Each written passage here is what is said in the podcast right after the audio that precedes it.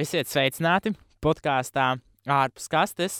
Uh, šodien mēs runāsim par Ziemassvētkiem, Ziemassvētku sagaidīšanu, varbūt arī jauno gadu ietversim tajā. Bet noteikti kas visforšākais, lai nebūtu garlaicīgi, būs tas, ka mēs apspriedīsim 2020. gada lielākos notikumus. Un uh, vēlos piebilst to, ka šī, diemžēl, ir mūsu šī gada pēdējā epizode. Noteikti pie jums atgriezīsimies uh, janvārī, bet par to mēs vēl paši simtprocentīgi nezinām, tāpēc nesolam. Un uh, šodien studijā esmu atkal es, Sandris. Un es, Kristīna. Un, eh, kā jau jūs esat pamanījuši, kas mūs skatās, mums ir nelielas izmaiņas studijā. Mums ir eh, Ziemassvētku dekorācijas, mums ir kola un eh, mēs svinam Ziemassvētkus. Jā, vispār runājot par Ziemassvētkiem, Sandri, kā tu pavadīji savus pagājušā gada Ziemassvētkus? Oi, nu gan jautājums klausies. Tu domāji, ka es atceros, kas pirms gada notika? Nu, vajadzētu atcerēties. Pilnīgi jāpakas deguns. Uh, kas notika. Nu, noteikti es biju pie vecākiem. Ja man, man katru Ziemassvētku paiet ar vecākiem. Es esmu laikam tāds cilvēks. Nē, nu, protams, es neiz, neizmetu domu draugiem arī kādreiz pavadīt, ja? bet vienkārši es um, pa to visu gadu tik ļoti noslogots, ka uh, pie vecākiem es esmu ļoti maz. Un, uh, Es izmantoju vismaz šādu kopā būšanas brīdi, šos uh, mierīgi, kluso mierīgo uh, gaidīšanas laiku, ja, attiecīgi, izmantoju, lai būtu ar vecākiem. Un, uh, protams, ir arī draugiem, tur varbūt uh, nu, iepriekš kaut kā pirms Ziemassvētkiem nu, pabūts, bet uh, lielākoties man tas ir ar vecākiem. Kā ir ar tevi? Nu, man ir tā, ka es pārsvarā Ziemassvētkus pavadu trijās mājās.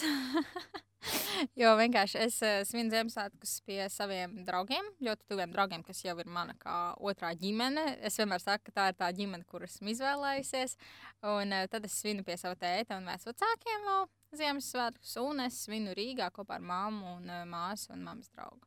Tā kā sanāk, man ir trīs mājas jāpaspēj apciemot katru gadu, bet, nu jā, nu, ir, ir diezgan liela skriešana. Šogad gan jau tas būs daudz mierīgāk, jo nedaudz mazākā skaitā tas viss tiks svinēts, un, un, un attiecīgi, jā, tas viss būs uh, daudz, daudz vienkāršāk. Jā, tu teici trīs mājas, tam radās, um, radās schēma. Um, kā tu paspēji? kurā nu, ir zināms, ka ir Ziemassvētku vakars, pirmie un otrie Ziemassvētki. Tad, uh, man liekas, tie ir radīti priekš tevi, man liekas, jā. Man liekas, ka jā, jā. jā. Jo man sanāk tieši, vienmēr man ir tās trīs dienas, tā kā es tiešām svinu Ziemassvētkus. Es zinu, ir cilvēki, kas tur 24. nosvin, viņi tur tajā 25. tur ēd tos uh, vakardienas, tos pīrāgus un tās piparkūks tur visu nedēļu rosals un tā tālāk. Man tā nav. Es uh, braucu tur, braucu tur. Es nezinu, protams, kā tas būs šogad. Šogad gan jau nedaudz mierīgāk, kā jūs minējāt. Jā, jā. Jā. Bet tāpat es braukšu pie savas ģimenes un pie saviem draugiem, jo es uh, noteikti es negribu pavadīt Ziemassvētkus vien pati. Rīgā, četrās sērās. Tieši tā. Tieši tā. Tāpēc es arī braukšu. Es arī negribu uh, šo Ziemassvētkus. Uh, noteikti uh, nu, mēs gribam arī piebilst to, ka. Uh, Turmākais teksts nebūs ministrijas apmaksāts, ja? bet mēs, protams, ka mums samaksātu, bet uh, mēs gribam atgādināt vēlreiz to, ka, mm, lai mēs visi varētu forši atpūsties un um, jauno gadu jau sagaidīt ar pozitīviem rezultātiem, ka varbūt mūsu tas Covid ar testu un tas mistiskie skaitļi paliek mistiski zemi, tad noteikti svinēsim tā prātīgi. Uh, alkohols, kas dzēries, noteikti iepērkam laicīgi. Alkohols dzēriens noteikti varēs. Es domāju, internetā man liekas, strādās internetā arī, varēs. Bet, nezinu, bet būs rindas, būs. būs rindas, un ārpus rīzniekiem tas būs, man liekas, uh, nu, grūtāk. Būs viņam būs neiespējami, bet rīzniekiem tas ir iespējams. Tad ir iespēja padomāt par uh, mājās brūvētiem un taisītiem dzērieniem. Pīpa mēs šo neteicām. Bet, ok, tas bija mazs pamājiens jums, ja, kad, uh, nu, Nu, ar ulu liķieri uztaisīt. Pilnīgi valoda raustās jau aiz bailēm, kad um, kāds no amatpersonām neskatās. Un cerams, mēs būsim dzīvi un cerams, tiksimies ar jums janvārī. Un, uh, tāpēc, jā, būsim saprātīgi, būsim tiešām saprātīgi un uh, Bet svinēsim. Nebūs tā, ka. Svinam, bet nesvinam pa 50 cilvēkiem. Ar sanāk kaut kādu nu, 10 pār. Svinam ārā, un tur var 25 cilvēki ar 2 metru distanci. Būs forši. Jā, ar lielu māju var arī visi 25 vienā lielā mājā. Jā, ja kvadratūra atļauj. Tieši tā, tieši tā. Tur vajag pagaidīt. Uz vienu cilvēku bija 10 kvadrātmetriem. Ne, bet te, teorētiski, ja katram, piemēram, ir sava istaba, tad vispār čili. Katrs savā istabā uzliek webkameru. Čau! Tas man liekas, šeit būs visinteresantākais. Jā, noteikti, um, Interesanti. Noteikti skatītāji, klausītāji, pēc Ziemassvētku svinēšanas mēs vispār, ja gudīgi priecātos, ja jūs iesūtītu mums Facebookā uz Messengeri, uh, tur sūtīt ziņu, atsūtīt attēlus, uh, tekstus, um, Video. video atklāsmes, kā jūs pavadījāt. Jo man liekas, mēs varētu pēc tam, varbūt tās, uh, protams, ar jūsu piekrišanu, pēc tam salikt tādā vienā apkopojumā un 2021. gadā atskatīties, kā mēs pavadījām Ziemassvētkus uh, nu, šajā ekstremālajā situācijā, kas šobrīd norisinās. Tas būtu ļoti interesanti. Jā, es domāju, noteikti to vajadzētu izdarīt. Tas būtu ļoti tiešām vērtīgi paskatīties, es domāju, arhīvā pēc tam, pēc kaut kādiem 20 gadiem, kā ir. Pat pēc desmit, ja godīgi. Jā, patiesībā pēc desmit jau tas būs interesanti. Jā, jo, ja šobrīd pastāstīs, kā kādreiz mēs esam svinējuši, un kādas ziemas ir bijušas, kad, ak, Dievs, ir pa ziemu runājot, ja es atceros, ka bija mazāks kupenis, bija vienkārši tāds, vienkārši māu, masīvs. Tagad nav sniega. Un noteikti, noteikti šis būs arhīvā, nu, kad uh, apskatoties, būtu labi. Tāpēc sūtam, uh, sūtam, sūtam, sūtam. Uh, noteikti, varbūt, ja ir idejas, uh, padalāmies šeit apakšā komentāros zem šī video klipa arī uzrakstiet. Ja jums jau ir idejas, kā jūs svinēsiet, padalāmies. Jo mēs padalījāmies ar savām kā idejām, kad mēs brauksim uz mājām, uz laukiem, un noteikti arī svinēsim, un mēs arī to darīsim. Bet uh, vispār runājot par Ziemassvētkiem. Uh, Nu, daudziem ir kaut kādas vēlmes, kas patīk. Man pieņemsim, patīk uh, skatīties viens uz mājām. Nu, man liekas, tas ir ļoti daudziem Latvijas uh, vispār skatītājiem un mūsu arī klausītājiem. Viens pats mājā tas laikam ir tāds bām. Otrs, kas man patīk, ir mm, šī piparkūku cepšana. Un Tas process vai, vai, vai šo speķu pierādziņu cepšana. Un, uh, Kristīna, kas tev patīk visvairāk Ziemassvētkos? Jā, nu, Ziemassvētkos es domāju, ir ļoti daudz dažādas lietas, kas man teiksim, patīk. Eh, Viens, protams, ir šis te galds, kas man šogad būs ļoti interesants, jo šie būs mani pirmie veģetārie Ziemassvētki. Es, es ar nepacietību gaidu to, jo es dažādi apiešu, kā saka, teiksim, man nebūs speķu pīrādziņa, man būs siera pīrādziņa, man būs kaut kas nu, citādāks. Ja? Tas man būs ļoti interesanti. Bet Ziemassvētkos man vislabāk patīk tiešām tā kopā sajūta, laikam jau. Tas, ka tu vari satikt uh, tos cilvēkus, man patīk tiešām tā sēdešana pie glītes, tā dāvanu dāvināšana, kad tur skaiti to pantiņu vai, vai dziedi to dziesmu un, un, un dara visādas spēles, spēlē. Man tieši patīk tas process, kā pats Ziemassvētku. Un man patīk arī tas gaidīšanas laiks, kad ir jā, teiksim, jāsaņo tās dāvanas, un tu tur domā, ko varētu kuram tur nopirkt. Un, tā. un, eh, jā, un arī viens pats mājās eh, jau skatīties, jo tad, kad ir pirmā adventa, es vienmēr pirmajā adventē viens pats mājās ir tradīcija, ko es skatos, un, un, un, un tad ir tas, eh, tas ir viens arī tāds. Vēl viena lieta, ko es uh, daru. Kā ir ar tevi, Sandra? Kādas vispār ir tavas, uh, nu, teiksim, tādas Ziemassvētku tradīcijas? Šodien baigi deguns kasās, ne? Es ievēroju, ka baigi kasot deguns šodien. Jā, aizdomīgi, nedaudz dzīvotīgi. Turpin, tu Pa kāds bija tas ticējums, ka to degunu iekas? Piedzersies? Laikam piedzersies. Nu, Nāc Ziemassvētki nāk, nāk svētki, nāk svētki. Bet uh, runājot par manām tām, tām, tām, nu, kas man vislabāk patīk, kā jau minēju, viens pats mājā, uh, būt ar ģimeni, visvairāk, kas man patīk, apsēsties ar ģimeni pie galda, varbūt tā dāvana dāvināšana nepārāk, bet visvērtīgākais, man liekas, tas, ka es ar ģimeni varu apsēsties un aprunāties un, un atlikt to telefonu malā un atslēgties no sociālajiem tīkliem, no visa un uh, būt tajā momentā, tajā laikā ar ģimeni. Jo, kā teicu, kad uz laukiem man iznāk ļoti maz, pie, pie vecākiem man ļoti maz, uz dzimto pusi ļoti maz iznāk braukt, jo, uh, kā redzi, uh, šobrīd, nu, ir divi darbi, tad tur darbi mainās, tad tur mainās viss, tad gribas kaut ko jaunu uzsākt, kaut ko jaunu atvērt, jo, mm, kā ir zināms, mums ar Kristīnu arī ir jau jaunas idejas, kas arī viss iespējamāk taps uh, 2021. gadā, mm, sā, gada sākuma pirmajā pusē.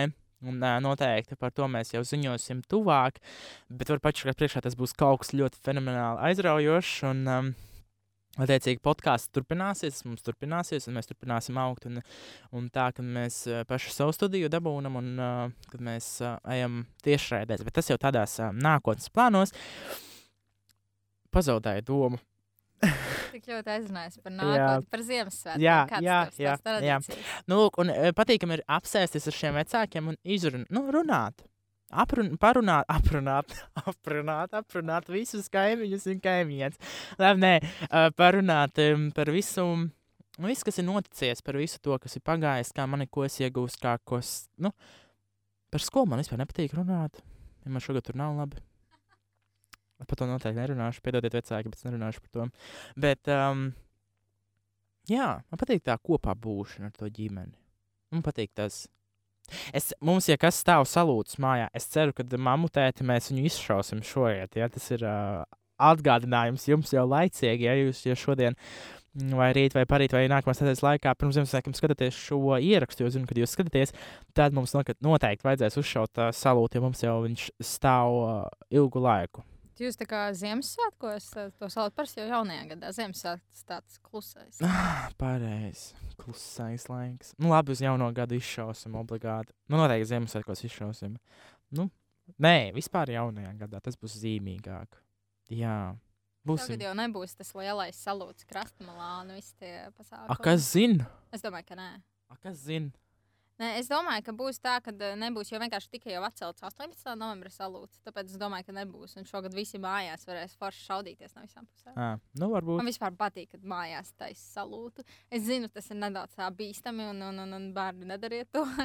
Bet man ļoti patīk, ka, ka paši tā kā Ar pirotehniku var nodarbīt, salūtu. Bet nodarboties ar prātu. no 18 gadu Jā, vecuma. man liekas, ka jā, no 18. Bet uh, lielākas, apjomīgākas raķetes bija no 21 gada. Tā kā Mhm. bērni neķeramies bez vecāku atbūves un bez uh, preventīviem pasākumiem. Un arī vecākiem gribam piebilst to, esam uzmanīgi. Nu, nostiprinam to salūta kasīti kaut vai četrus ķieģeļus katrā sānā pusē apliekam, lai nu tiešām nav. Jo Tas ir smieklīgi, bet tas nav smieklīgi. Ir YouTube redzēts, kā kaste ap, apgāž, tad vienkārši salūts vienkārši uz visām pusēm. Tā kā, tā kā kaut kāds superhero. Starp tu. citu, par salūtu šoreiz mums gan nebija ieplānots sajūta. Es gribēju pastāstīt. Es atceros, kādreiz eh, manā dzimtajā pusē Skrīveros bija iespēja šaut salūtu, man liekas, pašiem cilvēkiem. Es neatceros, bija ļoti maziņi, kad tas notika.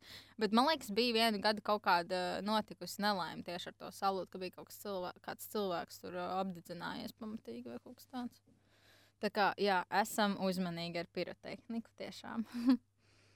Jā, bet uh, vispār runājot par Ziemassvētkiem, Sandri, kā tev ir ar eh, dāvanu dāvināšanu? Jūs ģimenē dāvinat viens otram, viens otram dāvanas? Mums, laikam, tas nav tā.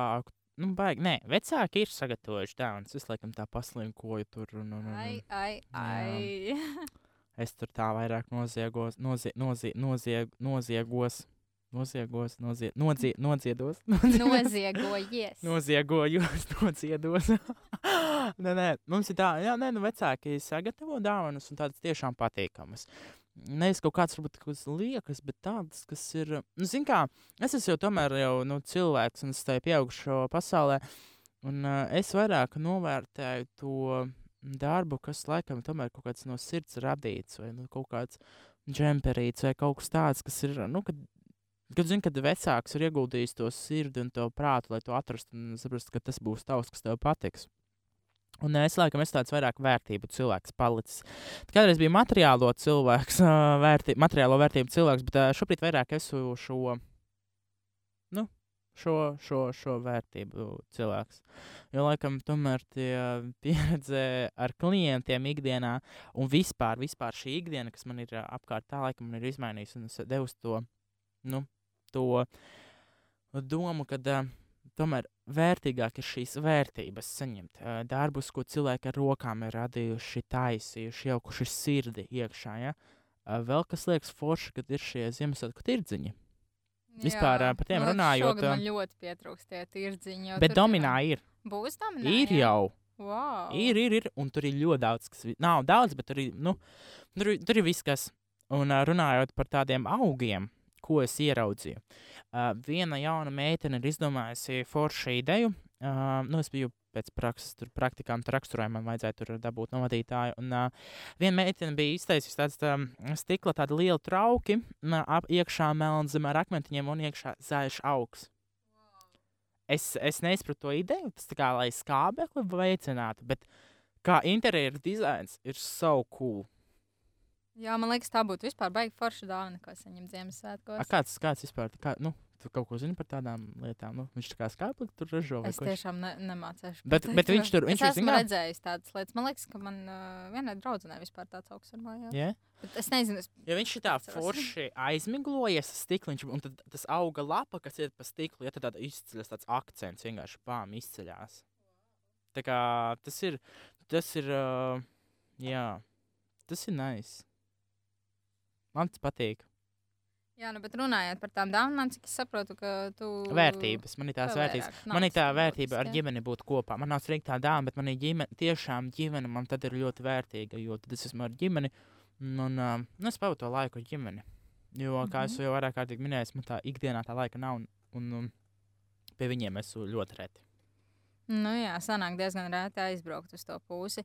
Nē, nu, es teikšu, tā, ka man vispār ar dāvanām man patīk dāvināt dāvanas, bet kas man nepatīk, ir tas, kas notiek katru gadu, ka es vienmēr esmu. Esmu tas cilvēks, kas 23. decembrī skrien pa alfu un meklē dāvanas, un viss stresā grābj un ir izbēsīts jau vakarā, un jau viss striktīgi jau riebjās. Bet šogad ir bijis viņa savādāk, jo nu, šogad arī atliku lietas pēdējā brīdī, bet es vakar sapirku jau visiem dāvanas. man ir tiešām liels prieks par to, ka es vakar visiem sapirku dāvanas. Jo, Malacīt. jo vienkārši es zināju, ka man nebūs eh, citā dienā laiks, un nevar zināt, varbūt veikali būs ciet un tā tālāk. Tāpēc es vakar no rīta visu to izdarīju. un Tagad man ir miers, un man nav jāuztraucās. Es jau daļu dāvanas vakar sapakoju. Jā, bet mēs esam, mēs esam kaut kā iesākuši viens otram tās dāvanas dāvināt. Svarīgi, jo man liekas, nav tas, ko tu uzdāvini, bet uh, vienkārši, kad varbūt saņem kaut kādu lietu tīri tā, lai atcerētos. Nu, vai man patīk tiešām, ka cilvēks pats ir kaut ko arī taisījis un, mm Mhm. -hmm. un uzdāvinājis. Un tā. Jā. Nu, noteikti nākamajos Ziemassvētkos mēs eh, savus tuviniekus varēsim ļoti foršām dāvanām apsveikt, ko, ko radīs. Jā, bet uh, tas, ir, tas ir jā, par tiem nākotnes plāniem un tām visām, ko mēs esam izdomājuši. Jo mēs ar Kristīnu esam tā laikam no, no Home 3 uh, kolektīva, no maniem Home 3 laikiem jau var tā teikt. Jau esam uh, baigi forši tā visā aizgājuši. Man ir liels prieks, ka mēs esam šo podkāstu, jo es esmu kaut ko atklājis sevī, kad uh, man tomēr patīk. Man bija kādreiz ļoti bail no kamerām, bet tagad es jūtos tik mierīgi, tik ērti, kad, um, jā, šodien šodien vispār visu studiju iekārtojot un uzstādot. Um, Mums pa pagāja runa, ka varbūt mums pa gaismotāju vajag, jo gaismotāji arī labi pelnot. Tā vismaz Kristīne izpauda šādu informāciju. Tā kā, ja kāds gaismotājs vai kas skatās, noteikti atstāja lūdzu komentāru, nu, vidēji, cik tu nopelni, vai man ir vērts iet pēc tam par to mācīties vai nē. Bet, um, ok, vispār uh, runāju pirms uh, nevis gaismām, bet Ziemassvētkiem gaidīšanas un uh, miera un klusuma svētkiem. Tad, uh, nu, vispār, Kristīna, pastāsti, ko domā par šo dāvanu dāvināšanu? Nu, tā vispusīgi. Nu, tā vispusīgi es domāju, ka dāvinu, dāvināšana ir forša lieta. Bet es domāju, ka nevajag arī aizrauties ar to. Jo es zinu, ir cilvēki, kas tiešām aizraujās, un uh, tad viņi pēkšņi nesaprot, ka viņi ir iztērējuši vairākus simtus dāvanās. Nu, tas man liekas, bija par traku. Piemēram, šogad mēs arī ar uh, draugiem piemēram, izdomājām, mēs taisīsim tādu ka ne te loteriju, bet slepeno draudziņu.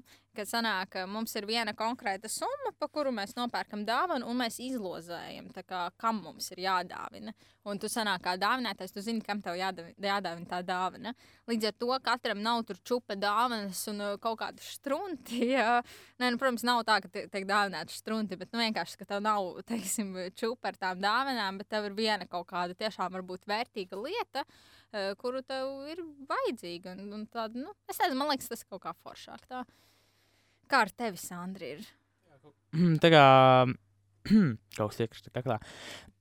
tā kā laime saka, tādā ziņā varētu Nu, būt. jā, vienīgi tas, ka tev ir nevis jā, jāizlozē jau dāvanas kaut kādas, kas ir nopirktas, bet tu zini, kam tu dāvinās, tad tu vari nu, piemek, piemeklēt tā kā to jā, dāvanu, kādu jā. vajag. Sapratu, Man tiešām. tas super ideja. Man Super ideja. tik šausmīgi patīk. Nē, tā ideja ļoti laba. Ideja ļoti laba. Um, kā ir ar mani? um, nu šeit jau atkal būs tas uh, mans uh, vērtību lekcija, kad um, um, ir forši, kā teica, kad uh, izrunā šo summu un vispār vienu summu nopērk. Ja? Un kad um, visvairākais ir tāds, ka tu iekļaujies kaut kādā nu, tādā nelielā summā, jo tajā nelielajā summā ja godīgi tev ir jāpadomā, tā kā, ja, un tad, tu, kad tu padomā, tu atrodi baigi foršās, visādas features, nu, lietas, visādas foršās, ja kaut kāds suvenīri, kaut kas tāds, kas, nu, tiešām, kā tu iepriekš minēji, kad uh, paliek kā nu, suvenīrs, un tu vari atcerēties, ka šajā gadā man uzdāvināja šo lietiņu. Ja? Un tur jau atkal veidojas šī vērtība, ka tā dāvana, tā prece ir ar to vērtību. Nu, tas, tas viss ir. Ja? Um, bet uh, vispār runājot par um, nu, tām dāvanām. Um, strādājot šobrīd uh, jaunā darba vietā un, un, un salonā, es esmu ievērojis to, ka uh, cilvēki ir aizsākuši dāvanu kartes. Ja? Nu, es strādāju spā salonā, un tad ļoti daudz šādas uh, dāvanu kartes izvēlās cilvēki, un, un, un, un viņiem ir uzdāvinātas. Un, ko domā par šīm dāvanu kartēm? Kā, kā vispār uzņēmumi, uzņēmumi ir radījuši, un, un, un vai tu vispār pati esi saņēmusi kādreiz Ziemassvētkos, vai vispār dāvinājusi kādam dāvanu karti? Jā, man liekas, dāvana kartes vispār ir super uh, lieta. Man liekas, tas tiešām ļoti aizgājies. Jo es cik arī redzu, mums katru gadu Ziemassvētkos ir vismaz viens cilvēks, kam ir dāvana karte. Vienu gadu bija tā, ka mums bija vairāki cilvēki, kas vienkārši es tik skatos, vēl ka viena dāvana karte, otra dāvana karte. Nu, uh, man personīgi, es esmu saņēmusi kaut kādas dāvanu kartes, bet. Uh, Es, nezinu, es neteikšu, ka tās ir manas mīļākās dāvanas, jo man laikam patīk, tiešām, ka cilvēks vairāk uh, kaut ko personiskāku dāvina. Nu, teiksim, viņš zina, piemēram, lietas, kas man ļoti patīk, vai kaut kādu lietu, kas ir pats, pats ko ir uztaisījis.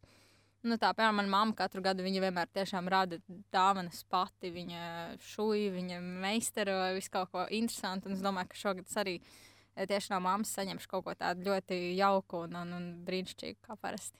Jo viņai tiešām viņai vienmēr tas ir tas, ko tu arī runāji, ka tās vērtības nāk tiešām tā dāvana no, no sirds. Un tas, ka cilvēks ir ielicis, viņš pats ar savām rokām to uztaisīs, man liekas, tas ir tik brīnišķīgi. Jā, jā šīs uh, dāvanas, kas ir paštaisītas ar rokām, tās ir pašas, pašas jaukākās un mīļākās. Bet runājot par dāvanu kartēm, man liekas, tas varbūt tavu teoriju mazliet gāzīšu. Jo, ja cilvēks, pieņemsim, zina, nu, ka tev patīk ar, kaut kas ekstrēms Viņš uzdāvina lidojumu ar delta plānu.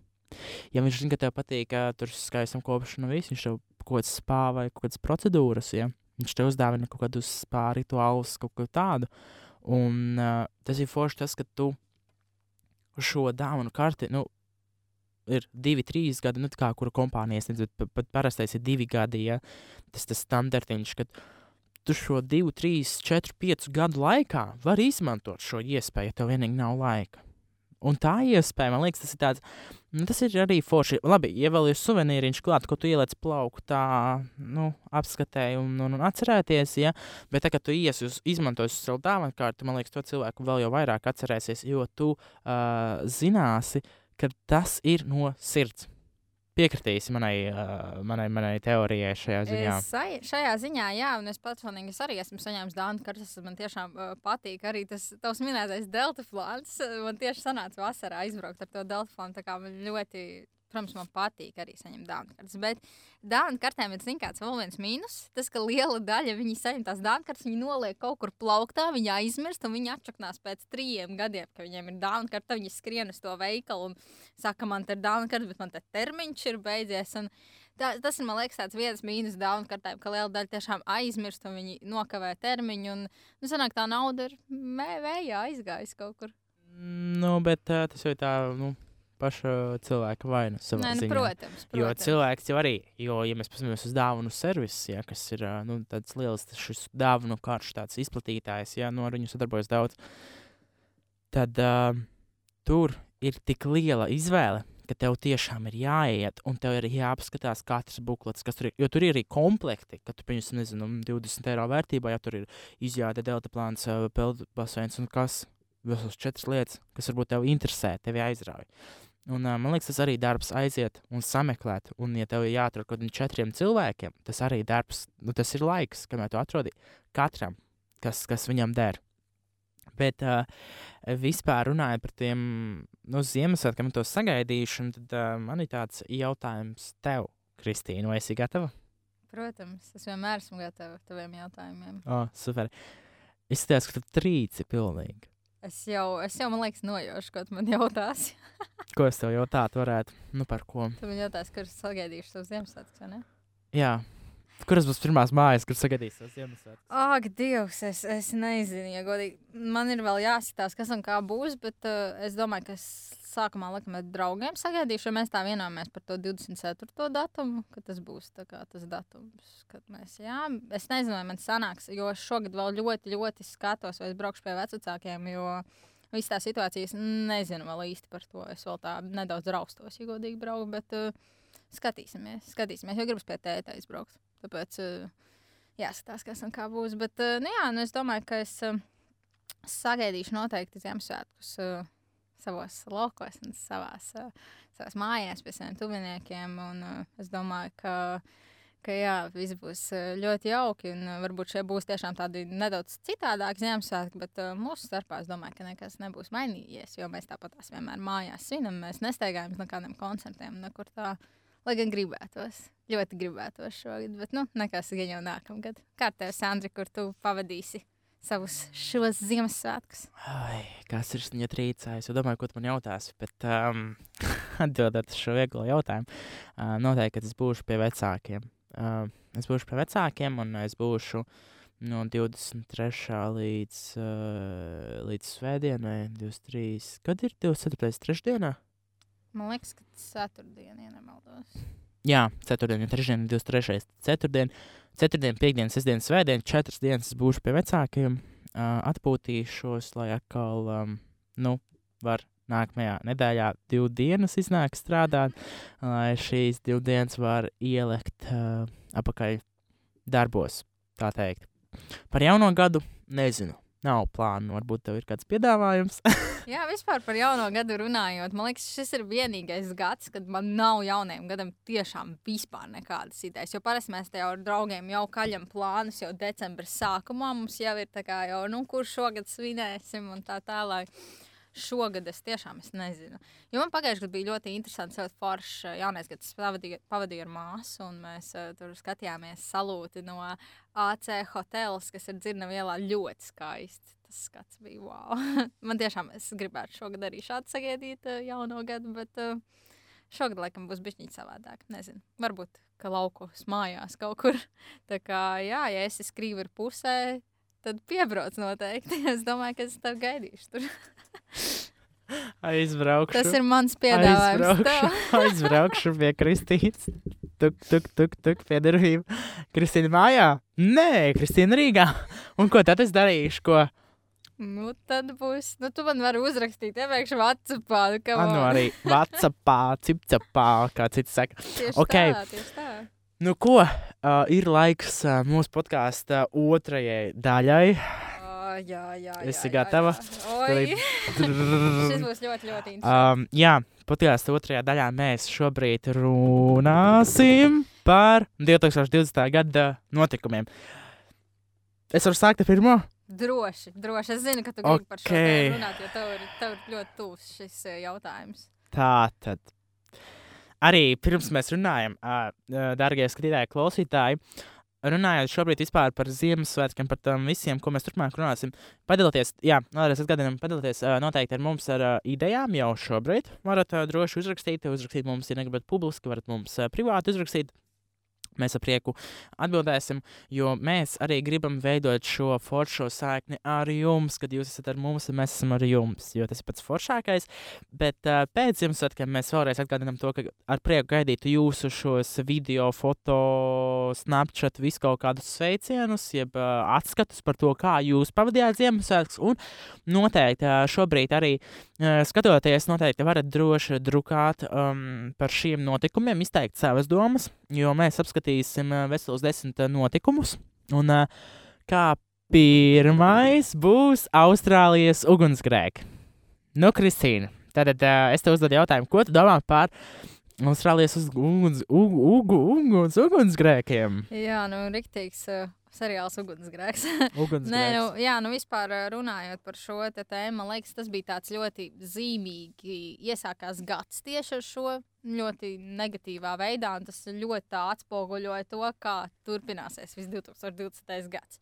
Uh, Austrālijas ugunsgrēkiem es ļoti daudz pētīju par to informāciju. Es arī skatījos tos uh, skumjos video, kur tiek kolas lācīši, tiek viņiem ar pudelīti ūdens dots un, un, un tam līdzīgi. Bet uh, vispār man liekas, tas ir briesmīgi patiesībā. Jo mm, Austrālijā ir bijuši šie ugunsgrēki, bet tik ļoti tādā masīvā veidā. Man liekas, cilvēki šobrīd ir par to nedaudz aizmirsuši. Jo liekas, ka tā sajūta, ka tas tiešām būtu noticis jau pirms kaut kādiem pieciem gadiem, lai gan tas bija šī gada sākumā. Un, un, un, un jā, vienkārši tā, tā situācija. Es esmu priecīgs savā ziņā, ka dzīvoju Latvijā, jo viņiem tiešām bija ļoti traki. Es skatījos dažādas dokumentālās filmas, smogs vairākus mēnešus. Tu dzīvo tādā dūmu mākonī, un, un, un tiešām tas ir ļoti kaitīgi arī nu, vispār veselībai. Un, un daba, daba, tas ir skumji visvairāk tieši par dabu. Jo man liekas, šobrīd arī mūsdienās, nu, es teiksim, kāpēc es, piemēram, arī nēdu gaļu un cenšos vairāk par vidi domāt. Jo, Mēs paši tikai varam ietekmēt to, kāda būs mūsu daba. Un savā ziņā arī Austrālijas ugunsgrēki. Es uh, ticu, ka tas ir dēļ tieši lielā vides piesārņojuma, kas arī ir šobrīd ļoti, ļoti izplatīts. Kā tev liekas, Sandra, ko tu vispār domā par šiem Austrālijas ugunsgrēkiem? Um, jā, piekritīšu, šie Austrālijas uh, ugunsgrēki notika tieši pirms 11 mēnešiem. Tā kā ļoti maz tas laiks sprīdis ir pagājis. Um, Nevis pasakojis šobrīd, uh, kā viņiem ir tas atkopšanās process, bet spīdoši viņš nav. Cik es esmu sapratis, ka tur vēl joprojām ir sekas šajā uh, dabas uh, infrastruktūras ziņā, attiecīgi nozarē. Ja? Bet uh, ugunsgrēks bija tiešām masīvs. Es nekad dzīvē nebiju redzējis, ka daba ir tik spēcīga. Es zināju, ka uguns, un kā manā mamma ir mācījusi, ka uh, dēliņa esi uzmanīgs. Un šis ir tas, tas, te, tas vienmēr, ko viņa man ir atgādinājusi, ja dēliņa esi uzman, uzmanīgs, jo uguns un ūdens ir neapturams un briesmīgs. Ja? Un, uh, šeit arī atainojās mammas teiktais, ka ugunsgrēks ir briesmīgs, jo tas vienkārši tas sākās no mazas platības līdz visai nu, es nezinu, tur bija ļoti milzīga šī platība. Un tas, ka šie ugunsdzēsēji un, un pārējo no šīs Austrālijas apgabaliem vēl ekipāžas brauca brīvprātīgi, ja turpat ir bijuši lauksaimnieki, kad nu, tu dabu nevari apturēt.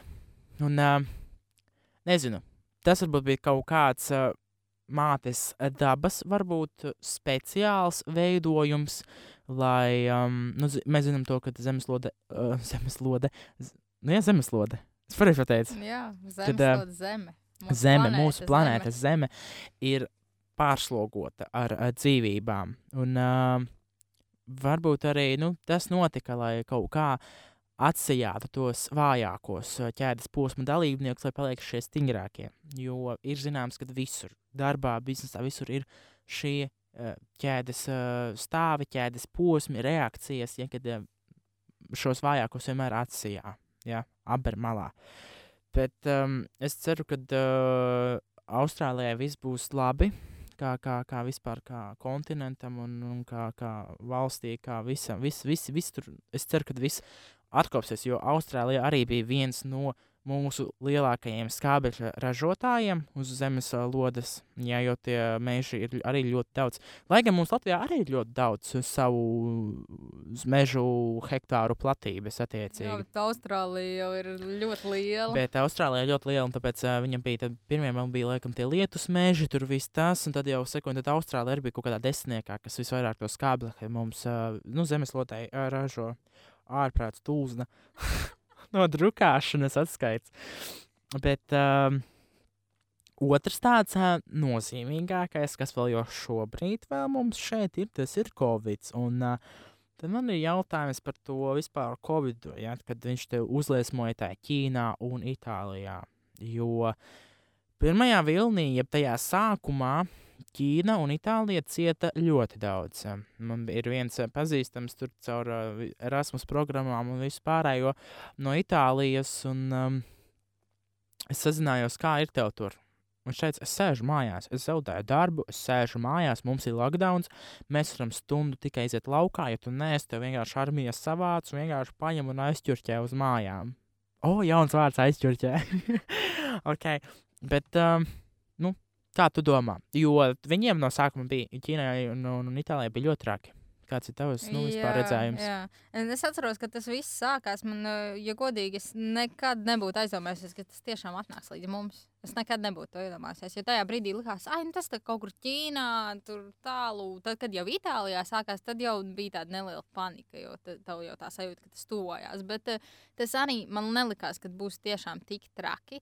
Jo bija jau iepriekš kaut kādi vīrusi, bija piemēram tā ebola un vēl kaut kas tāds iepriekš, piemēram, bijis.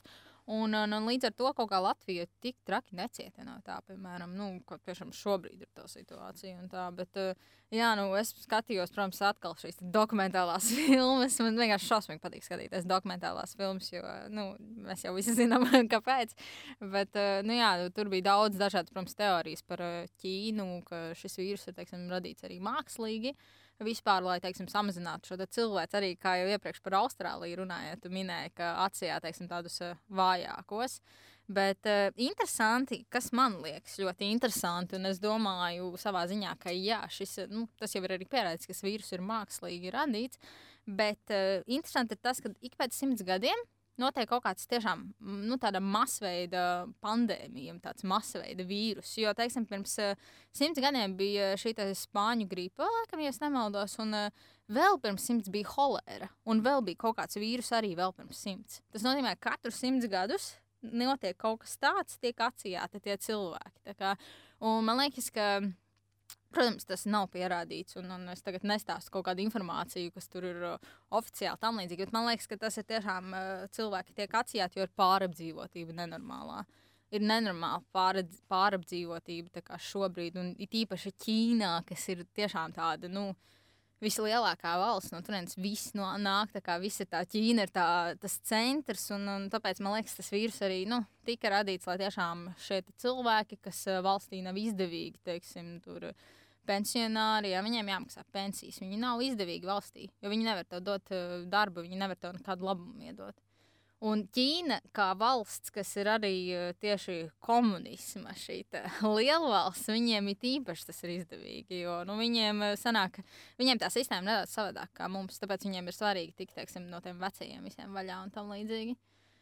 Bet, jā, nu, ļoti, ļoti interesanti tas viss aizsākās. Bet vispār, kad kad Latvijā tas pirmais ārkārtējā tā situācija parādījās, tad, tad jau sākās panika. Sandra, kā vispār tev aiz, uh, pagāja tā pirmā ārkārtas situācija? Kā tas viss norisinājās? Um, jā, par to es runāšu. Es gribēju nedaudz pie tavas tās ķīnas un viss, kad uh, es gribēju piekrist jā, tam, ka uh, vispār tās teorijas un viss ir ļoti, ļoti daudz, jo ir zināms, ka jau kopš uh, Latvijas veidošanās uh, nu, vispār jau arī, kad mēs bijām PSRS Savienībā, kad uh, mēs bijām austrumos, bet tad bija šie bagātie rietumi, jā, kā, kā vēsturē stāstīja. Un kad vēl šo balvu dienu ir iegājies tā, ka uh, Krievija, visa tā puse, kas ir tie ir austrumi, jā, tie ir, uh, nu, teiksim, godīgi dzīves līmenis viņiem ir zemāks par mūsējo. Kā, nu, es domāju, ka mīļi latvieši nečīkstēsim, cik mums ir slikti liela, no... nē, mums ir liela nodokļa kā citur, bet mums ir daudz labāk nekā, nekā tur, kad ir komunistiska vara mums ir demokrātiska vara. Ja? Kad vara ir tautai. Nu, un kad mēs esam šie rietumi. Un, strādājot televīzijas nozarē, man joprojām ir palicis no klienta teiktais, kad es viņam jautāju par televīziju, ko viņš skatās. Viņš man atbildēja, draugs mīļais, zini, kā es skatos. Es tā, nu, lūdzu, pastāstiet. Viņš tā, es skatos ļoti vienkārši, un tev ar tā vajadzētu. Viņš pasties uh, Krieviju, austrumu uh, raidījumus, ziņas un pasties rietumus. Un viņš tu sapratīsi, kā jūs uh, televīzijas un visas kompānijas tiekat ietekmētas, kad uh, jums nav brīvība, kad uh, jūs tomēr kontrolē šī valsts, šie apgabali. Ja? Un viņš ka, lai iegūtu objektīvu, viņš ka es salieku visu kopā un eju pa vidu. Atcerieties, kā mums viens, vienā podkāstā bija tas vidusceļš, uh, balans. Jā, nu, kur šeit atkal ir tas balans, kad viņš iziet cauri tam uh, visam. Nu, rietumi, austrumi kopā, vidusceļš. Easy. Nu, lūk, un um, par Covid es arī pap es arī pamēģināju šo metodi viņa. Jā, un uh, ir tā, uh, viens uh, Krievijas raidījums, mm, neatceros, ziņu raidījums, bet neatceros kāds, um, pirms uh, divu nedēļām izlaida ziņu sižetu par Covid ja, kad šī Covid-19 uh, nu, tad, uh, bija ražots piecās ķīmiskās laboratorijās.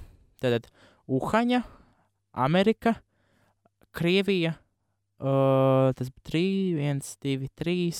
Un vēl bija kaut kādi divi. Nu, kaut kur vēl kaut kas, kaut kāda Atlantika, kaut kur tāds pie vēsumos, jā, un kaut kur Āfrika. Jā, nu, nu sadalīts pa tiem lielajiem kontinentiem, pa lielajām. Uh, viena ražotne, kuras sadalīta pa vairākiem šiem te. Un tas iespējams bija kaut kādam, nu, karam kaut kas gatavots, kaut kādam uzbrukumam, iespējams ķīmiskam uzbrukumam mums. Nu, mūk. Un uh, tiklīdz jau, nu, tad, kad atnāca nu, klajā šis, ka tas ir laboratoriski radīts, tad, um, nu, pagāja runas, kad tad Amerika ir piedraudējusi, ja Ķīna neuzņemsies vainu, viņu, viņu vienkārši nolīdzinās ar saviem atomieročiem. Nu, un Ķīna laikam bija gudra un saprata, ka atomkarš mums tiešām nav vajadzīgs. Nav vajadzīgs trešais pasaules atomkarš. Ja? Nebūs pasaules karš, bet atomkarš. Un tad vienkārši mēs visi būsim noslaucīti. Ja? Jo ir zināms, kāds ir Ķīnai un, un Krievijai un, un, un, un Amerikai bruņojums. Ja? Milzīgs, milzīgs bruņojums. Cita vislielākais vispār uh, bruņojums, zini, ir kurai valstī? Nu. Ziemeļkorejai. Jā. Tur ir nenormāli daudz. Tā kā, ja tiešām kāds taisās kādu valsts karot ar Ziemeļkoreju, jums ir vienkārši. Jums ir. Viņi Jā. vienkārši viens pogas pieredzi, un jūs vairs neesat zemes virsmas. un uh, cietīsim mēs visi. Mēs visi cietīsim, jo radiācija tad izies pa visu pasauli. Jā, jā. Un, man liekas, tur vēl pat var pārplēst mūsu to ozona slāni. Jā, tā kā, nu, tad būs vienkārši, nu, cilvēks gals, nu, savā ziņā. Bet stāsts ne par to. Citreiz par to. Nu, lūk, un kad eh, šobrīd tad, tā, eh, Amerika ir izveidojusi ar šo biotech um, laboratoriju, kas arī mums piegādā. Mūsu valstī, Eiropai, piegādās biotech laboratorijai, uh, piegādās šīs antivielas, jeb nu, pret covid poti.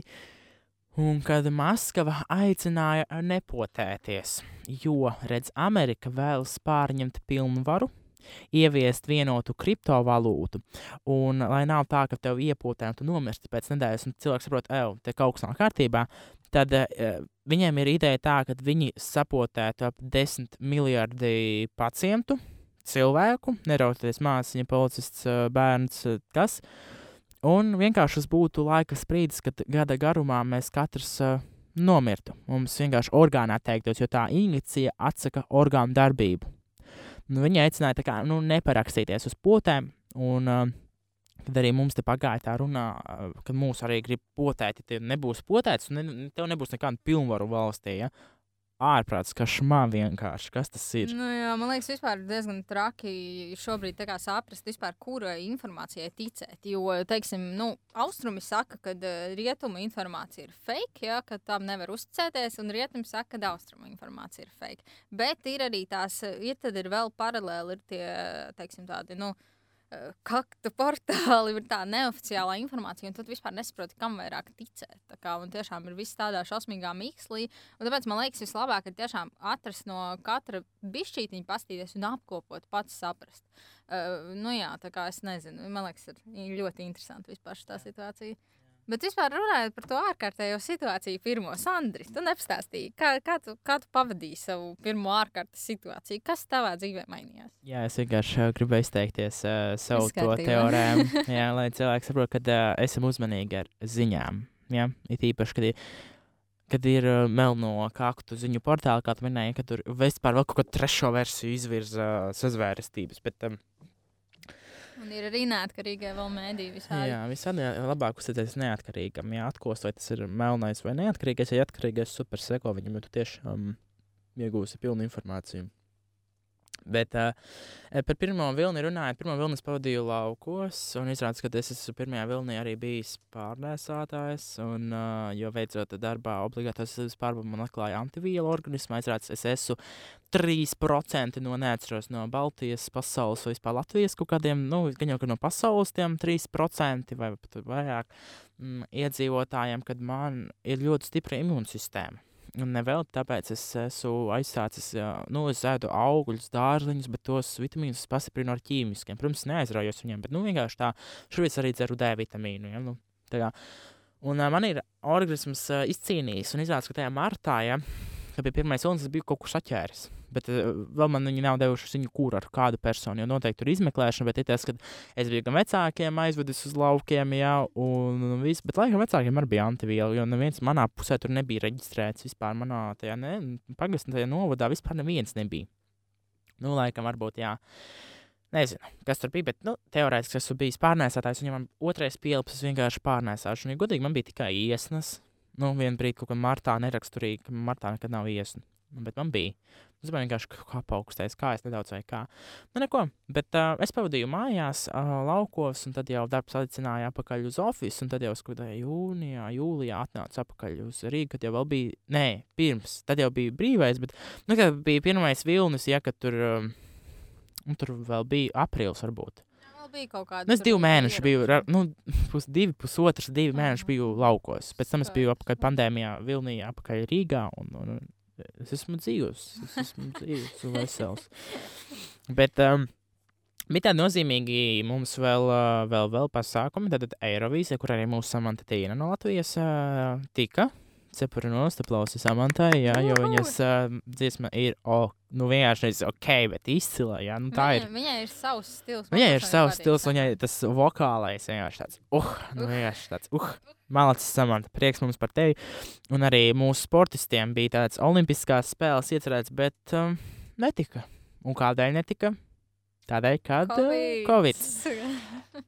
Uh, noteikti jūs arī skatītāji padalieties ar savām idejām par to, ko mēs šeit diskutējam, izskatāt savus domas, ja mums ir svarīgs visu jūsu viedoklis. Okay. Uh, ko tu domā par Eirovīzijas un uh, Olimpisko spēļu atcelšanu? Vai tas bija vajadzīgs vai nebija vajadzīgs? O, jā, šis ir tāds interesants jautājums. Vispār. Nē, es domāju, ka, protams, bija vajadzīgs pārcelt tās spēles, jo, nu, nevar šādos apstākļos. Es domāju, tad būtu vēl vairāk, eh, tiešām saslimušo skaits būtu vēl, vēl, vēl lielāks. Eh, Par Eirovīziju man patika, ka viņi izdomāja, ka tie paši, kas, eh, teiksim, uzvarēja tajā konkursā, kas bija, nu, Latvijas, piemēram, tas iekšējais konkurss, ka brauks samanta nākamajā, ka nav, un, teiksim, atkal jātaisa vēlreiz, jo tas būtu neg negodīgi pret tiem dalībniekiem. Bet, nu jā, par tām olimpiskajām spēlēm runāt, man liekas, ka viņas nebūs arī šogad, ja godīgi. Jo es nezinu, man, man liekas, ka viņas pārcels atkal, jo tāpēc, ka ir vienkārši tie gadījumi diezgan daudz. Un man liekas, tad, kad, vispār, kad tas viss sākās, kad atcels tās olimpiskās spēles, tur liela daļa sportistu nenormāli sacepās un nepaķeksi. Un tīpaši, ir tīpaši pāris mūsu arī pašmāju cilvēki sacepās. Un, nu, man liekas, tā kā ir svarīgi saprast to, ka ne jau tikai tagad, ak, Dievs, nebūs Eirovīzija, nebūs Olimpiskās spēles, viss slikti. Ja? Apmēram nevienam citam jau nav nekas slikti. Mēs visi varam braukt uz darbu, viss ir kārtībā. Man liekas, tā bija tā lielākā problēma, kad tajā brīdī cilvēki vienkārši e, nesaprata to, ka visiem jau ir slikti. Nu, ne jau tikai tagad Olimpiskās spēles cieši no tā ārprāts, kāda izdevuma šausmas ārprāts tur nebūs šogad.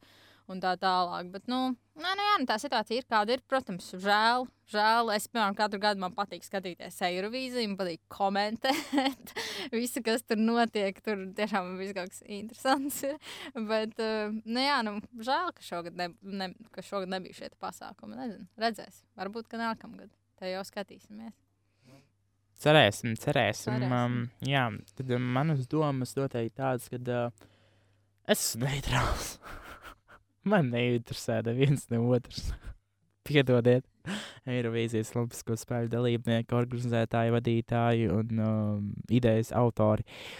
Bet uh, jā, nu, man patīk tas, ka ir beigās YouTube apkopojums, jā, tad tur viss ir salikti. Nu, protams, es latviešu mūsu šiem te sekoju. Jā, tiem mūsu, tas, kā bija tas atlase, tas, tas kur atlase, jā. Un um, es sekoju. Nu tā, bet tāds lielais man tur, es ātri aizbēgu, jo tur, nu, man vienkārši miegs uznāk. Nu, jā. Ok, bet uh, tāda vēl interesantu, nu, vēl pāris interesantas tēmas. Um, Rīgas domes vēlēšanas. Nu, Kristīna. O, es, es jau nevarēju vienkārši sagaidīt, ka nu, šī tēma pienāks, jo es pati vienkārši es to visu redzēju, es iesaistījos tajā procesā šogad. Tāpēc man, tik, man tiešām man ļoti, ļoti daudz ko teikt par šo visu. Jā, nu, pirmkārt, jau pats interesantākais bija tas, ka Rīgas domas vēlēšanas bija paredzētas uh, 29. februārī pirmās. Bet viņas atcēla. Jo mēs zinām, kāpēc. bet, tad viņi pārcēla laikam uz kaut kādu aprīļa māju, kaut kas tāds bija. Un tad bija šis augusts, kad arī jau notika tās vēlēšanas.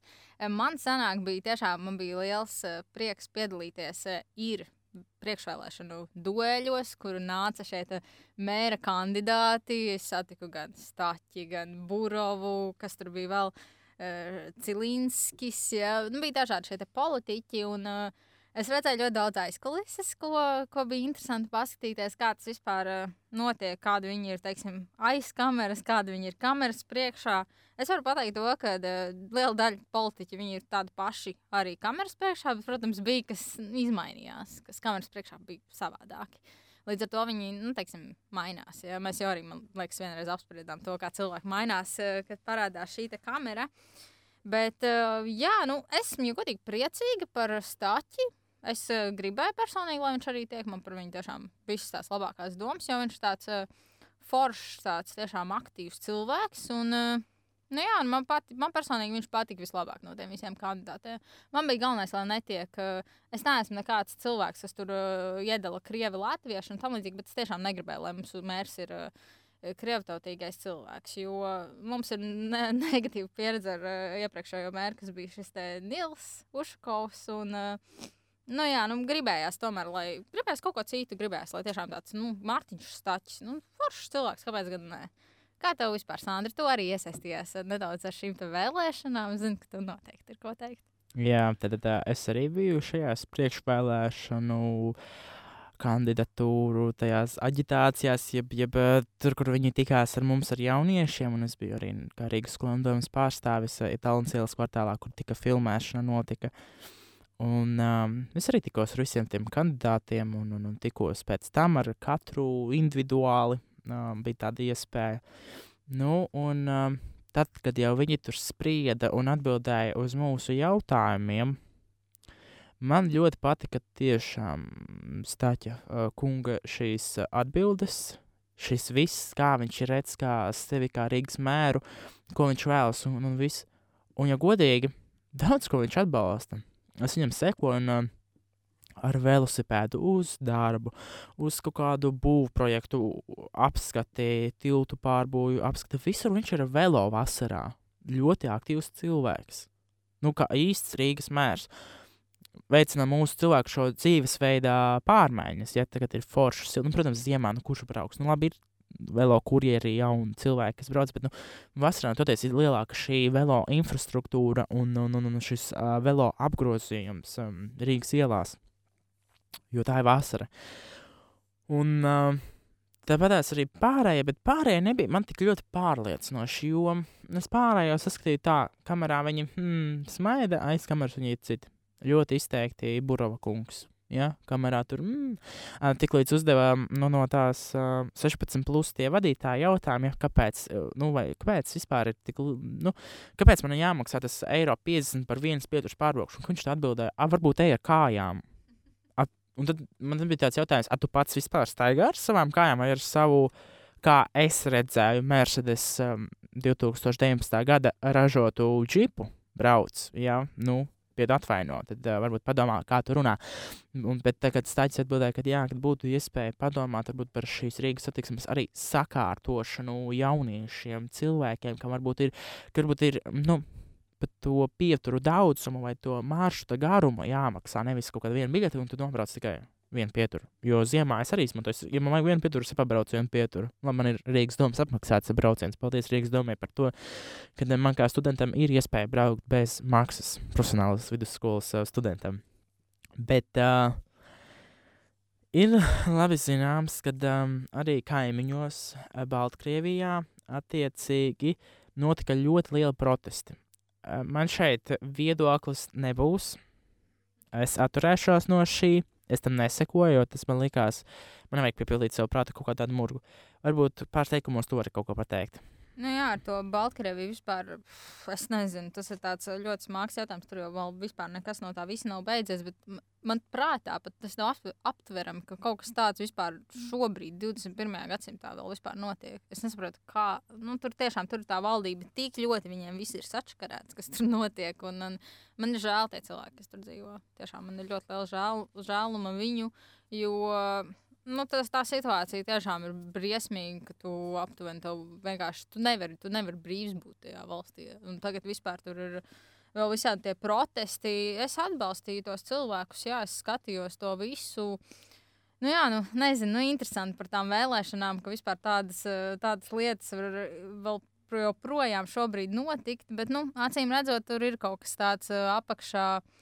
Teiksim, kā piemēram bija ar to pašām runājot par tām ASV vēlēšanām, tur jau arī gāja informācija, ka uh, nav kaut kas tur ar tām balsīm bijis pareizi un ka tur tā, tādā garā viss ir. Man liekas, es nezinu, jo vairāk cilvēku, jo grūtāk viss ir. Varbūt tāpēc tas Covid pienāca vienkārši, lai samazinātu tos cilvēkus. Jo tiešām tas viss ir ļoti sarežģīti izsakot kaut vai tām visām balsīm cauri un valdības arī visādas. Uh, Visādas korupcijas, visu kaut ko tādu, visādi domā, kā tikai apkrāpt cilvēkus. Un, man liekas, tas ir šausmīgi. Nu, tā. es nezinu, nu, Baltkrievija vispār viņi ir, viņi ir eh, zemākā vispār līmenī kā pārējā, teiksim, Eiropa. Tur ir gan ļoti liela nabadzības procents, un, un, un, un arī šis bezdarbs, un, un vēl vis kaut kas, protams, Eiropā šobrīd arī ir nenormāls bezdarbs, un ekonomiskā situācija vienkārši ir tš, tā kā uz leju nokritusi. Bet, eh, nu jā, par Baltkrieviju runājot, eh, tas, kas tur notiek, tas ir jā, ļoti interesanti. Man, man ir interesē, kas būs tālāk. Es personīgi gribētu, lai tur nomainās pilnīgi visi tie cilvēki, kas tur sēž. Protams, es nezinu par to tik daudz, jā, bet es uzskatu, ka uh, tur tiešām vajadzētu veikt nopietnas izmaiņas. Tāpat kā arī Krievijā. Jo nu, tos, tā vienkārši viņi dzīvo, viņiem informācija ir safabricēta. Viņiem mēdīji nestāsta patiesību. Mums, protams, arī mēs nevaram zināt, kā ir šobrīd. Jo šobrīd arī iet ļoti liela runa par to, ka mūsu liela daļa mēdīju ir teiksim, valdības uzpirkti. Ja? Un eh, viņi nevar to pasniegt informāciju objektīvi. Jo, teiksim, tajos pašos raidījumos arī tiek uh, dzirdēts kaut kas par to pašu šobrīd, kas ir uh, šī ārkārtas situācija. Ja, tāda neliela valdības tāda cilināšana gaisā ir pamanāma, ja, un tu nesaproti, kam tu vari uzticēties. Bet žurnālistam ir jābūt objektīvam. Viņam ir jābūt gan tautas pusē, gan šajā valdības pusē. Viņš nevar būt. Uh, Viņš nevar būt teiksim, vienā pusē un, un, un pasniegt to informāciju. Nu, es nezinu, kā. Es neredzu vairs šo objektivitāti, tāpēc man arī nav vairs uzticība jau mūsu mēdījiem. Bet, nu jā, Baltkrievijā ir viss uh, simtreiz trakāk. Un uh, vispār runājot par tām vēlēšanām, ASV vēlēšanas nesen notikās, cik es saprotu, tad tagad ir uh, pavisam jau pieņemts oficiāli, ka Baidens būs šis nākamais uh, prezidents un, notiks šī inaugurācija. Uh, Sandrija, kas tev vispār ir sakāms par šo tēmu? Baidens, Trumps, par ko tu cerēji, kas vinnēs vēlēšanās? Um, jā, protams, es biju par Baidenu, jo uh, Amerikas vēlēšanām es sekoju ļoti. Jo, ja godīgi, man vispār ir tāda, tā kā, nu, tāda vīzija nākotnē, vispār uz savu dzīvi, varbūt pat ar Am- Ameriku saistīt, um, pāriet uz turieni, varbūt arī reģistrēties kā tās valsts, milzīgās valsts pilsonim. Jo tur viss ir foršāk. tur viss ir sekoptāk, tur, tur viss ir pelna vairāk. Jo mums uz darbu uz Home 3 ir atnācis kolēģis, kas bija Amerikā. Ja, un, uh, viņš mēnesī maksāja kaut ko 3000 par dzīvokli. Ja, bet viņš nedēļā nopelnīja 5000. Nedēļā 5000 uh, nu, eiro. Ja tur dolāri bija 6000 kaut ko. Nu, tā, nu, konvencija. Bet um, es biju par Baidenu kungu un par uh, to, kā to sievieti sauca. Nu, kas bija ar Baidenu kopā tā. Es nemācīšu šo Es arī nemācīšu pateikt, bet es arī biju par to sievieti, jo viņi ir ļoti demokrātiski un uh, neatkarīgi cilvēki. Viņiem nav aizsprieduma, viņiem nav nosodījuma, viņiem nav nekas pret um, musulmaņiem, meksikāņiem un visu pārējo. Viņi ir tādi, tas, kā viņi izgāja ielās ar cilvēkiem, kur viņi braukāja pa Meksiku, viss, tas bija vienkārši superīgi. Cilvēki viņus mīlēja, cilvēki viņus sagaidīja. Ja? Ar Trumpam nekas tāds nebija. Trumps tik sēdēja tur. Jā. Nu, tā arī bija Bet savu. Man liekas, te ir arī vispār tā atšķirība tāda, ka, piemēram, Trumps viņš pārstāv republikāņus un uh, Baidens ir demokrāta partija. Jā. Nu, viņiem ir ļoti izteikts Amerikā tas republikāņu demokrāti. Bet uh, kāpēc man, piemēram, Baidens patīk, jo viņš uh, strādāja kopā ar Obamu. Un Obama bija tiešām, man liekas, super prezidents. Jā, jā, un tāpēc es, es zinu, ka šobrīd uh, amerikāņiem šobrīd, man liekas, sākas pati foršākais apakaļ. Viss tiešām tas, kā Amerikā bija, jo Obama ļoti labi uh, valdīja savā kandidatūrā. Ja?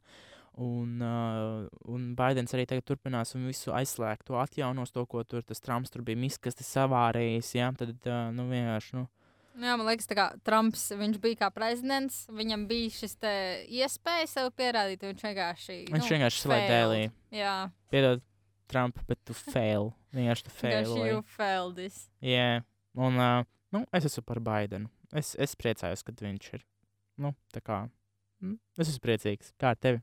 Nu, nu, zin kā, mums jau īsti tas, ne, nu, vispār jau skar Latviju. Tas, tas diezgan Jā. skar, jo, nu, Amerika ir ļoti spēcīga valsts, bet, nu, es nezinu, tā kā vairāk. Amerika, Amerika vispār ir Eiropas uh, lielais investors Eiropai. Jā, jā.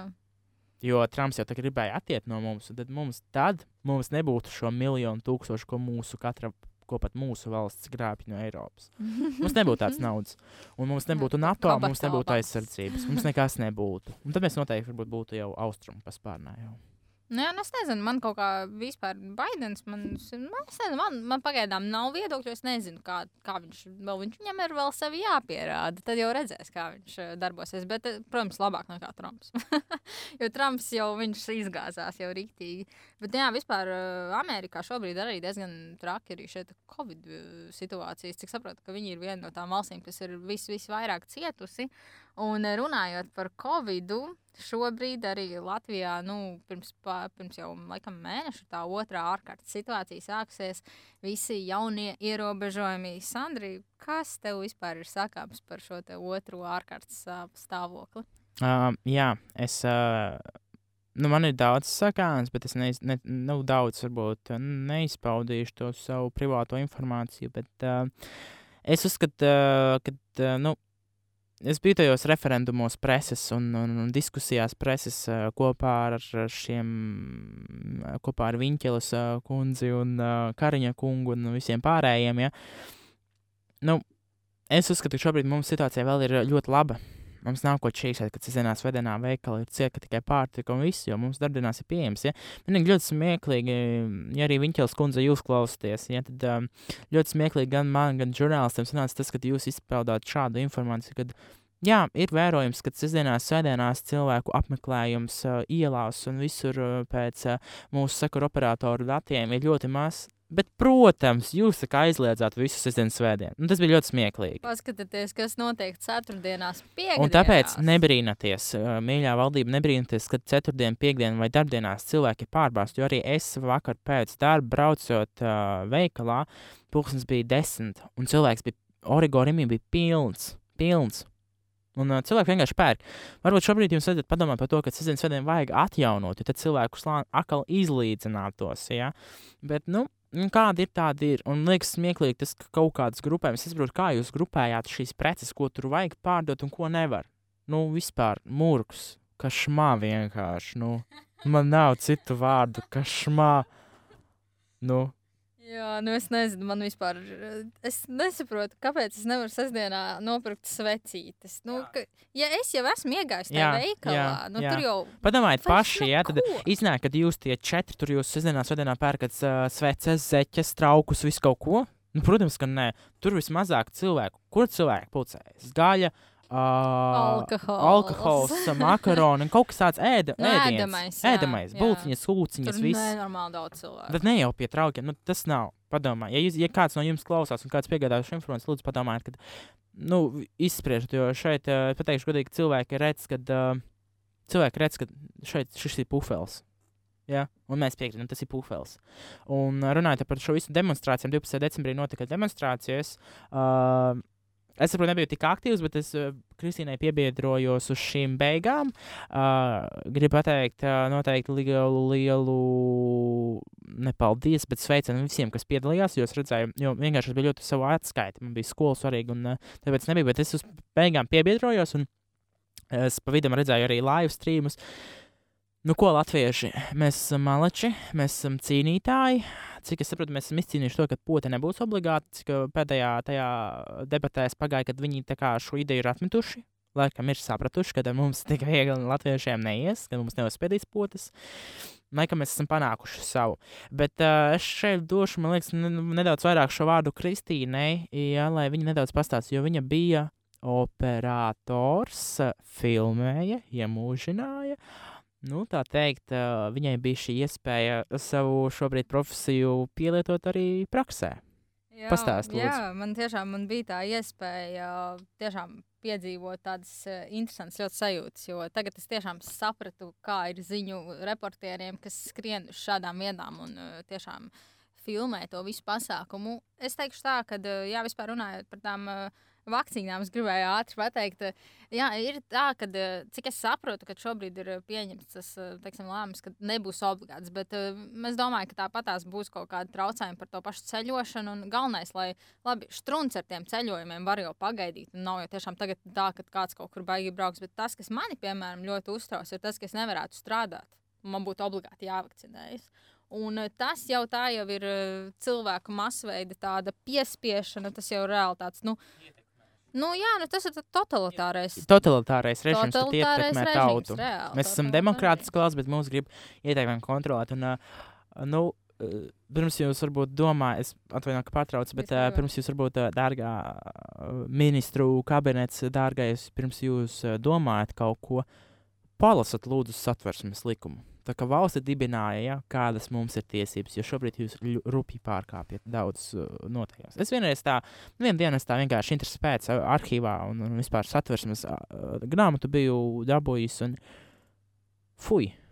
Publisks fujums. Jā, man liekas, es, es nezinu vispār. Man kaut kā Es tiešām es biju šajā pasākumā, un es uh, redzēju to visu, kas notiek. Es pat redzēju, ka ļoti daudz, liela daļa policistu man uh, tiešām žēl šo cilvēku, jo viņiem nācās uh, strādāt. Un ne, man liekas, stulbi, ka bija arī uz šo sajūtu atvilkšies daži cilvēki, kas bija ierēbuši, kas gribēja tiešām uh, taisīt kautiņus un tā tālāk. Jo, policisti viņi jau nav vainīgi, ka viņiem ir jāstāv tur. Nu, viņi vienkārši dara savu darbu, un es domāju, ka tas arī ir jāsaprot. Un liela daļa tiešām arī organizatoru, kaut vai uh, tie paši Roberts Klimovičs un, un, un pārējie, tiešām viņi arī vairākas reizes atgādināja, ka uh, lieciet mierā policistus, ka viņi, tiešām, viņi dara savu darbu, un ne jau viņi, viņi to nu, var ietekmēt. Nu, tā, un, Tās vienkārši ir augstākas uh, varas uh, pieprasījums. Jā, jā. Nu, tas ir mūsu, jūsu drošībai, lai tiešām kāds, kas grib kauties, lai viņš varbūt tādu, kas negrib, lai viņš neapdraudētu. Jā, nu, jā pieņasim... tā pašas mašīnas, varbūt kaut kāda. Jā,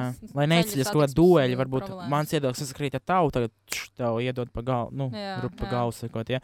Vienkārši es arī tajā dienā, kad, nu, es tiešām ļoti jūtu līdz šiem pašvaldības policijas policistiem un valsts policijas. Un es gribu teikt paldies jums par to, ka jūs tur bijāt, veicāt savus pienākumus godam.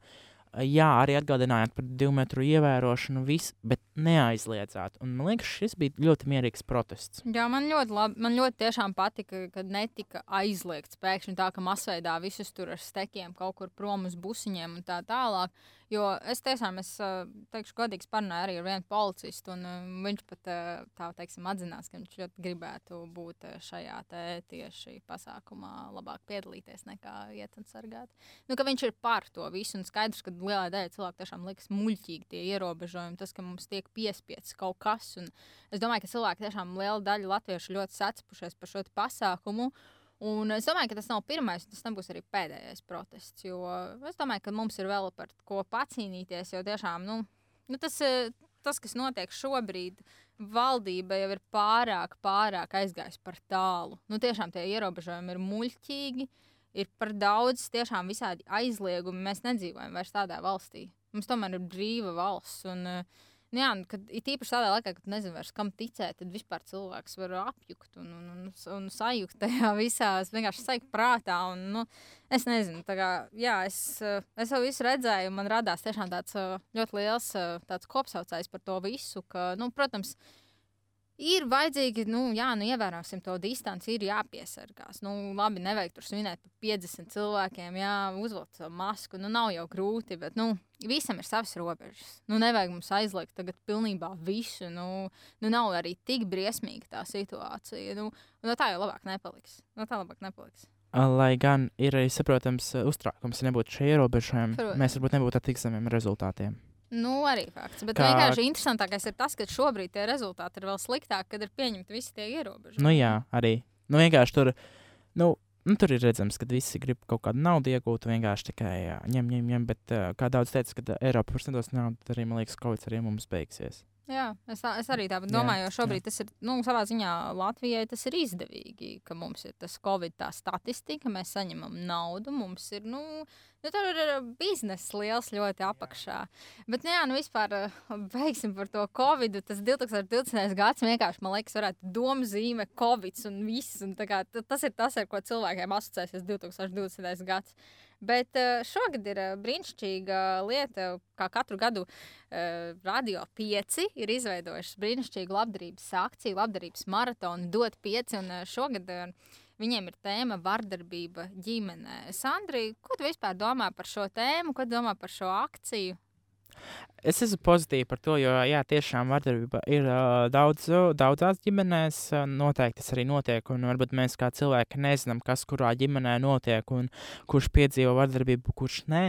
Tāpēc es domāju, ka šī gada tēma šī ļoti laba šajā ziņā, un es esmu par to, un es ļoti, ļoti priecājos, ka um, šis te dot pieci labdarības maratoni ir tieši veltījuši šai tēmai, jo ir jāatbalsta, un šiem cilvēkiem ir vajadzība, vajadzīga šī nu, līdz cilvēku teikt, palīdzību. Kā ir ar tevi pašu? Jā, nu es, es katru gadu arī šajā akcijā cenšos uh, ziedot kaut kādu naudu, kaut vai tos pašus 5 eiro. Jā, bet uh, nu, tiešām man liekas, uh, šī ir ļoti laba tēma šogad paņemt, jo Latvijā ir ļoti liels tiešām vardarbības. Tas uh, tā statistika ģimenēs ļoti augsta, un man liekas, ļoti daudz ģimenes tiešām cieši no uh, fiziskas vardarbības ir tie stāsti. Es arī skatījos, no tā paša dot pieci bija dažādi šie sižeti safilmēti. Tie stāsti ir tiešām drausmīgi. Bet, uh, Sandra, kā tev liekas, kāpēc vispār cilvēki, kāpēc ir kāpēc vispār tāda vardarbība lielai daļai tieši nu, Latvijā ģimenēs? Nu, tas jau ir, tas jau ir iegājies. Ja, nu, pieņemsim, ja tu piedzīvotu vardarbību, tev arī veido tas mutulis, tu atkal savā ģimenē, un tad atkal tavi bērni cieš, un tad tavi bērni atkal savā. Tas ir tādā, nu, tā kā infekcija izplatās. Un tas izplatās, ja, nu, ja tu, jo mēs daudz par to nedzirdam. Daudz nerunājas, tur vardarbība pieciešama, man tur nezinu, sita, tur tā, tā. Tā, tā ir ļoti sāpīga tēma, par to daudz nerunā. Ja, un tas ir ļoti, ļoti, nu, slikti. Tas ir slikti. Bet uh, es domāju, ka šobrīd uh, ir ļoti labi, ka šī labdarība ir izveidota tieši šim. Un kad uh, tiks palīdzēts uh, šiem cilvēkiem, kas cieš šo vardarbību, un ka iespējams šis um, vardarbības līmenis tiks apturēts nu, vispār šajā Bet, te. teiksim, tev neliekas, ka, piemēram, tā vardarbība ir aizsākusies tieši no padomju laikiem, kad tas viss ir. Nu, varētu, varētu tā būt, ka tas viss tur ir tā iesējies kā sēklu, kā, kā melna sēkla. Jā, es nezinu, man kaut kā, man, man tas arī vienkārši asociēs. Man liekas, ka uh, tas tiešām, jo cik man arī stāsta, piemēram, kaut vai vecāki stāsta tiešām šausmīgas lietas par tiem laikiem, un, un, un ka tiešām visi ir bijuši bezmaz vai kaušļi un tā tālāk, un, un bandīti, un vēl sazina, kas vienkārši par to, jo neviens nerunāja, man liekas, tajos laikos. Tajos laikos tas bija normāli, kad apmēram vīrs atnāk no darba, viņš ir izbasījies, tad viņš bezmaz vai iekausa to sīko, jā. Nu, man liekas, mūsdienās tas tā vairs nestrādā, bet, nu jā, nu ļoti tiešām uh, liels prieks par dot pieci, un es arī aicināšu skatītājus uh, tiešām iesaistīties šajā akcijā. Un, ja jums uh, kaut vai nu, nav jāziedo tiešām liela nauda, nu, paņemiet mazumiņu, jo viss sāks ar mazumiņu, mēs katrs uh, kaut kādu nelielu daļu tam visam ziedosim, kopā arī savāc tā summa, un galvenais jau ir tiešām atbalstīt uh, tos uh, cilvēkus. Jo ir īpaši šādā laikā, kad ir tiešām ļoti grūti viss ir par un ap covid, un, un vēl tad ir šīs lietas. Un tiešām cilvēki, man liekas, arī psiholoģiski šobrīd ir tādi diezgan, nu, trakā. Ietekmējami. ietekmējami. Jā, Jā, jā, jā. jā. Nu, lūk, tātad uh, mūsu podkāsts ir tā ļoti veiksmīgi jau, jau galā. Un um, vēlreiz atgādinām, atbalstam dot pieci labdarības uh, maratonu. Uh, noteikti uh, savas idejas, uh, savas domas par visu, ko mēs šeit runājām, idejas, kā svinēsiet, idejas par gada notikumiem, atstājiet droši lejā, rakstiet mums privāti, kur varat atrast YouTube un Facebook, varat mūs atrast.